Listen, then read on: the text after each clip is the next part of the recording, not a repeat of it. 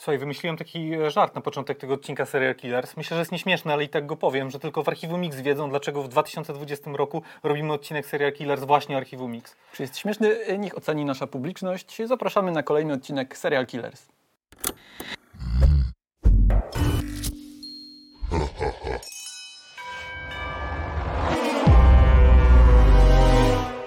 Dobrze, w takim razie mówiąc już e, zupełnie serio, robimy ten odcinek, bo możemy i zawsze chyba chcieliśmy zrobić coś w klimatach retro, e, a nie ma, nie wiem, no, mało jest seriali, od których chyba lepiej zacząć, jeśli chodzi o znaczenie, wagę w naszych życiach z Tak, powodów. wydaje mi się, że jeśli chodzi o moją biografię serialową, to to jest pierwszy serial, który oglądałem fanatycznie. To, to może jest kwestia pokolenia, to na pewno jest pokoleniowa sprawa. My jesteśmy z tego samego pokolenia, Tak. z tego samego roku. No i to w podstawówce bardzo mocno wchodziło. Ja pamiętam, że, że przed każdym odcinkiem pojawiała się taka plansza, jeszcze chyba z lat 80., program tylko dla dorosłych i tak się, wiesz, I to chyba był taki, to jest jedna rzecz. Druga rzecz jest taka, że to był chyba taki serial, który uczył e, seriali w ogóle, no bo był, miał te wszystkie klasyczne składowe. Był jakiś cold open, że byliśmy zaintrygowani. tak, tak. Potem była czołówka, która, e, o której się śniło potem po nocach. E, No i potem wszystko było gdzieś tam realizowane w zgodzie z, z żelaznymi regułami. Tak, ja pamiętam, jak po, po obejrzeniu każdego z odcinków potem z kolegami e, na korytarzach szkolnych omawialiśmy kolejne, kolejne odcinki. I to były takie poważne dyskusje typu opcje istnieją, czy nie istnieją, co jest możliwe, co jest niemożliwe. Dobrze, w takim razie mija prawie 30 lat, jesteśmy teraz i powtarzamy sobie z archiwum Mix i nadrabiamy. Mm. Nie, nie zastanawiam się, jakie były Twoje odczucia a propos tego, czy to się dzisiaj jeszcze broni jako coś z, e, poza nostalgicznego i spoza jakiegoś takiego porządku sentymentalnego, bo, bo z tym chyba jest gorzej. Właśnie mi się wydawało, że to jest ramotka, że jakby współczesna rewolucja serialowa totalnie e, ustawiła poprzeczkę dużo wyżej i że z, z Archiwum Mix nie utrzyma porównania. Zresztą parę lat temu próbowałem sobie powtórzyć ten serial i pierwszy sezon nie wytrzymał porównania ze wspomnieniem, e, ale wczoraj przygotowując się do nagrania tego odcinka miałem plan obejrzeć jeden odcinek e, z Archiwum Mix, obejrzałem ich chyba z osiem i to jest najlepszy dowód e, tego, że to jednak się naprawdę wciąż broni. Oczywiście ja selekcjonowałem wybrane najciekawsze odcinki, ale wydaje mi się, że przynajmniej te wybrane, wyselekcjonowane najlepsze odcinki totalnie wytrzymują porównanie z dzisiejszym poziomem serialowym. Właśnie się zastanawiam, na ile to jest kwestia fryzur i aktorstwa, Mm. który jednak, to jest taki element, który najmocniej ewoluował podczas, na przestrzeni tej kostiumów. Właśnie tak, akt, ak, kostiumy, fryzury, no i to, że jednak... e, Marynarki z poduszkami. E, tak. tak, i, i David Duchowny i Gillian Anderson bardzo mocno ewo- ewoluowali aktorsko w tym serialu. Chociaż ja na przykład e, jestem zdziwiony, jak wcześniej e, pojawiły się takie wątki typu zrobią to czy nie zrobią, bo A, wiadomo, tak. że cały serial opiera się na tej dynamice, gdzie Mulder jest pa, patrzaj sercem, e, a, a Scully jest tym szkiełkiem i okiem e, naukowym, ale dość szybko też pojawia się napięcie erotyczne między bohaterami. Pamiętam, pamiętam, że wszyscy tym żyli, nie? I w, w moja ulubiona scena chyba, która tego dotyczy z całego uniwersum X-Files, to jest scena z filmu, z pierwszego filmu. Z pszczołą. Z pszczołą, tak, kiedy mają się już pocałować, ale Skali zostaje urząd, urządzona przez śmiercionośną pszczołę, która jest zarażona kosmicznym wirusem i generalnie fani, którzy To czekają... jest Eros i ten Thanatos razem. w jednym malutkim, słodkim ciele pszczółki. E, ale te, no, te momenty w końcu się wydarzyły, tylko chyba już jak się wydarzyły, to serial był w takim miejscu e, swojego, swojego istnienia, że tak naprawdę trudno było to traktować na serio, czy, czy przykładać do tego jakąkolwiek, jakąkolwiek wagę. E, no właśnie, a propos tej całej ewolucji tego serialu, no bo wiadomo, że mieliśmy dwa rodzaje odcinków. Były Monsters of the Week, no i były odcinki konspiracyjne. No i świat się dzieli też na dwa obozy, przynajmniej świat fanów tego, tego serialu. E, jak ty patrzyłeś na tę dynamikę pomiędzy tymi dwiema strukturami? Znaczy w tamtym, cza- w tamtym czasie to były rzeczy, które nap- napędzały się nawzajem. Znaczy wiadomo, że czekało się na kolejnego potwora, ale chciało się też dostać rozwiązania zagadki, co się stało z siostrą Maldera itp. itd. Wydaje mi się, że z perspektywy czasu, tak jak dzisiaj się ogląda y, te odcinki, to lepiej oczywiście bronią się te odcinki pojedyncze. Y, Ale to jest też ciekawy serial pod takim względem, że on trwał bardzo długo. To jest dziewięć sezonów oryginalnego ranu, potem jeszcze dochodzą dwa nowe, plus dwa filmy. I oni dość dość szybko wyczerpali jakby pomysły. I to jest ciekawe, jak ten serial radzi sobie z, z końcem pomysłów. Oni idą na przykład w, w wątki ironii, w, w jakieś takie Pastisze, tak, w pastisze, meta zabawę.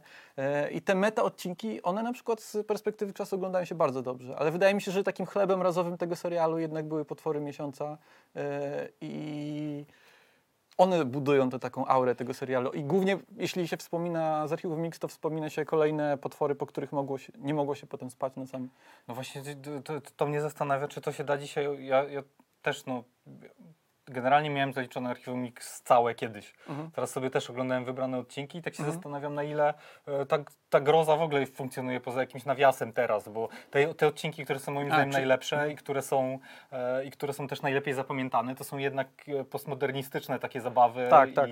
wszystko, co się wydarzyło w drugiej połowie lat 90. generalnie Mhm. w kulturze, nie? A mam problem z tą taką grozą, która, która jednak działała, jak się było dzieciakiem. Tak, to prawda, że to, to działało wtedy bardziej na, na zasadzie grozy, a, ale to jest to, o czym mówiłem, że z perspektywy czasu lepiej broni się te odcinki, które jakby biorą tę całą sprawę w pewien nawias i to, to są te odcinki, które wytrzymują porównanie ze współczesną serialową stawką. Yy, I to jak się patrzy na wszystkie listy najlepszych odcinków i tak Mhm. dalej, to na większości szczytów tych list nie są te odcinki z klasycznymi potworami, które pamiętamy, tylko odcinki robiące sobie trochę bekę, biorące całą sprawę w nawias. Odcinki typu na przykład Postmodern Prometheus, który pro, postmodernizm ma już w tytule, nie? I to, to jest znamienne. Już się uśmiecham, mam nadzieję, że jeszcze będziemy dzisiaj mówić o tym odcinku. E, no właśnie, zastanawiałem się troszkę, jak to ugryźć, cały ogrom tego serialu i tak dalej. E, I chyba nie da się lepiej niż zabawę w naj. I przygotowałem kilka punktów naj, więc teraz e, wymienimy się naszymi najami. Dobra. E, zaczynając od e, najcudowniejszego, najwspanialszego, najbardziej przerażającego potwora, który pamiętamy. Jaki jest twój typ? Ach, potworów, y, y, y, cymbalistów było wielu. Dużo dzisiaj cytuję Mickiewicza.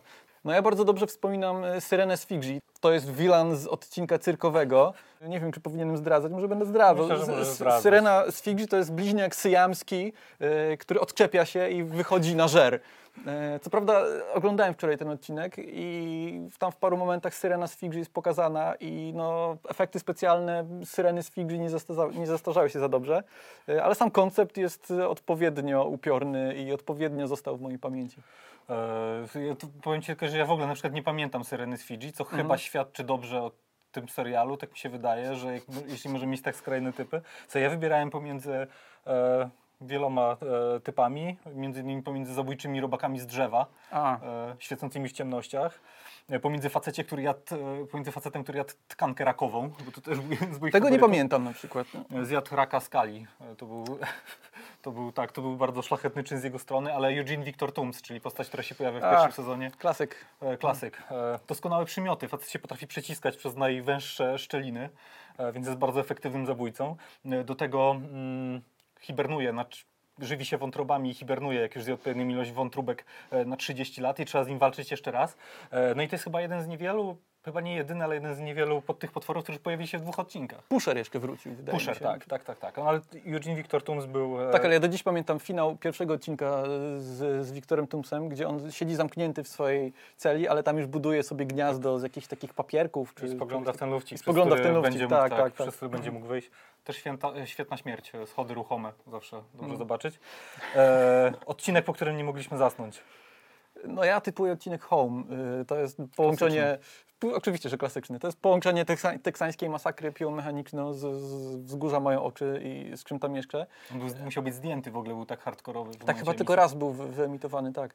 Y, I to, jest też odcinek, który wydaje się, że ma bardzo oczywisty premis, ale tam jest też parę twistów, bo na przykład okazuje się, że osoba, którą bracia Pikokowie, tak nazywają się czarne charaktery tego odcinka, osoba, którą bracia Pikokowie trzymają pod łóżkiem, nie jest ich ofiarą, tylko jest ich matką i w zasadzie jest jakby Nie szefową czemu całej operacji. Ale to chyba No. ten sentyment tak, w taki sposób działa. To był jeden z najbardziej przerażających odcinków. Ale ten odcinek też ma ciekawe momenty komediowe, bo na przykład tam jest taki moment, że Mulder i Scully przepychają się przez stado świń, bo pikokowie hodują świnie i Scully próbuje y, zaczarować świnie y, zaklęciem do zaczarowywania owiec ze świnki Baby. Nie wiem, czy pamiętasz ten moment.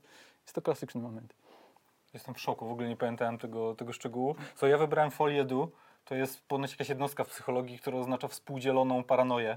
E, I to, jest, to był odcinek, to był odcinek piątego sezonu, w którym e, Mulder prowadzi śledztwo w biurowcu, gdzie jeden z pracowników podejrzewa, podejrzewa że jego szef jest karaluchem w ludzkiej skórze, takim dziwnym, kokoruczowatym e, stworem. To jest kolejny odcinek, którego nie pamiętam. Właśnie, jeśli w momencie, kiedy ten, ten pracownik umiera, Mulder tak jakby przejmuje tę jego zajawkę i też zaczyna widzieć wszędzie tego karalucha. Mhm. Pamiętam, że miałem potężne problemy z zaśnięciem po tym, więc chyba e, to jak jakby ten łańcuszek tej, tego strachu przeszedł na, wyszedł poza ekran, przeszedł też na widzów, więc to był bardzo, bardzo fajnie pomyślany odcinek. E, Mhm. Ale jak patrzysz na mnie, nie widzisz karalucha. w nie, je, nie, jeszcze nie. Może, może nasi widzowie widzą dwa karaluchy. Słuchaj, najlepszy gościnny występ. Y, Ja typuję y, Brada Durifa. Generalnie jestem fanem Brada Durifa. Y, Brad Dourif gra skazanego na śmierć faceta, który jest również medium i on postanawia kupić swoją wolność, czy kupić y, swoje życie y, w zamian za informacje o pewnym seryjnym mordercy. I tutaj jest ciekawe, y, ciekawa zamiana dynamiki między Malderem i Skali, bo zwykle to Malder wierzy, Skali jest wątpiąca. Tutaj natomiast Malder zna postać graną przez Brada Dourifa i podejrzewa go o to, że jest ściemniaczem. Skali natomiast właśnie straciła ojca, którego nomen omen gra Don Davis, znany z, z Twin Peaks, z, post- Mhm. z Tak, grania tak, postaci tak, tak. Majora Blixa. E, No i Skali wierzy mu, bo on jest również e, środkiem dla niej do skontaktowania się ze zmarłym ojcem. No i Brad Dourif robi tu, co Brad Dourif robi najlepiej. Dla niektórych być może jest Hannibal to lektoruje trochę. totalnie, robi się czerwony na twarzy, napina się, wiecie, dziwne miny i tak dalej. Przypomnę, że to jest aktor, który zagrał m.in. Laleczkę Chucky, e, więc z archiwum Mix to jest totalnie miejsce dla niego. I podoba mi się ta postać, podoba mi się Brad Dourif, podoba mi się też ten odcinek, to jest odcinek Beyond DC z pierwszego sezonu i on zadziwiająco, nie pamiętałem tego, że już w pierwszym sezonie odcinki potrafiły być tak intensywne psychologicznie, bo tu Tak, tak, tak. Skali właśnie straciła ojca i to jest bardzo duże dla niej przeżycie, więc to nie jest odcinek, w którym Brad Dourif tylko robi dziwne rzeczy, ale to jest też odcinek z bardzo silnym Tak, takim emocjonalnym kopem. Z, z pomiędzy tak zwany, który nie był ani tak naprawdę ani Monsters of the Week, ani odcinkiem Mhm. e, konspiracyjnym. E, dobra, ja tu dorzucę tylko crossover z serialem Mil- Millennium, który jakoś przeszedł bez echa, a, Mhm. a swego czasu serial Millennium Chrisa Cartera był, miał być następną wielką rzeczą po archiwum Mix. Niestety Lance Henriksen. Tak, Lance Henriksen, który właśnie nie wiem, gdzie, czy on był gościem w Archiwum Mix, czy Archiwum Mix był gościem u niego, ale, ale generalnie to, to spotkanie się wydarzyło, więc, e, więc to bym tutaj wrzucił. No i ostatnia rzecz, gdybyś miał jeden odcinek pokazać komuś, kto nigdy z jakiegoś powodu, nie wiem, spędził pod lodem ostatnie 30 lat, nigdy nie widział z Archiwum Mix, to, to za, za pośrednictwem jakiego odcinka byś tutaj najlepiej zareklamował ten serial? To jest trudne pytanie. To, to, to jest pytanie o najlepszy odcinek e, zarazem, Tak. nie? To właśnie i to jest problem. Jednym z moich ulubionych odcinków jest jeden z tych odcinków postmodernistycznych. On też często się pojawia na tych listach najlepszych e, epizodów. To jest odcinek Hose Chunks from Outer Space, w którym pewien pisarz science fiction przeprowadza wywiad e, ze skali, żeby dowiedzieć się szczegółów e, pewnej sprawy. Mm, No i to jest odcinek zbudowany na takiej zasadzie wielu e, zaprzeczających sobie Mhm. narratorów. E, Bardzo, bardzo finezyjna robota, bo mamy retrospekcje w retrospekcjach i dużo żartów z samej konwencji tego, czym jest e, z archiwum Mix, czym są porwania przez obcych, e, czym są faceci w czerni. Świetna zabawa z taką właśnie paranormalną otoczką tego serialu, ale wciąż to jest odcinek dla kogoś, kto już naoglądał się tyle odcinków z archiwum Mix, że czuje odrobinę zmęczenia i, I potrzebuje, potrzebuje oddech. i- Ironiczny nawias. E, dobra, no ja od siebie wrzucę w takim razie na koniec e, Erlenmeyer Flask, czyli e, Mitologia. Erlenmeyera, chyba tak Mhm. się nazywa w chemii ten, ten, ten, ten przyrząd. Czyli mitologia, ale to jest taka pierwsza duża mitologia, to jest koniec pierwszego sezonu i chyba taki odcinek, który można jednak oglądać bez przygotowania, Mhm. bo dopiero tam rozdane są karty. No ten odcinek przede wszystkim pokazuje, że nikt nie jest... E, nietykalny w tym serialu, już nawet ważne postaci drugoplanowe mogą ginąć. Mhm. E, tu już się dalej nie posunę w tym spoilerze. Pojawia się palacz w Glorii i Chwale e, i pamiętna s- słynna, W słynna Glorii chwale i o, para, i o parach dymu. Tak, i w jakimś takim magazynie rodem z Indiana Jonesa. E, No i chyba pierwszy raz bohaterowie orientują się, jak duża jest stawka, o którą grają. I Mhm. wydaje mi się, że ten odcinek jakoś tak utkwił mi w pamięci. Wydaje mi się, że jest jednym z lepszych mitologicznych Mhm. odcinków, a na pewno takich, które położyły fundamenty. Jak się pewnie domyślacie, moglibyśmy tak bez końca przerzucać się tutaj odcinkami, scenami, Tak, nie powiedzieliśmy o Bad Blood, chyba. nie powiedzieliśmy o Brianie Cranstonie. O Cher w... O Cher. I tak, e, to nie było Walking on Sunshine, to nie jest jej- jej piosenka. Nie, to było y, Walking in Memphis. Walking in Memphis, tak, dokładnie tak. E, Ale słuchajcie, wszystko sami możecie to odkryć, oglądając oczywiście e, Archiwum Mix jeszcze raz po latach, albo pierwszy raz, jeśli nie widzieliście. No i na tym kończymy. Pierwszy odcinek nowego cyklu Serial Killers Retro, w którym opowiadamy o serialach z przeszłości, z naszej młodości, niestety już minionej. Y, No i czekamy teraz na Was. E, Dajcie znać w komentarzach, e, jakie odcinki z Archiwum Mix lubicie najbardziej i jakie są wasze ulubione potwory tygodnia. E, My się nie wliczamy.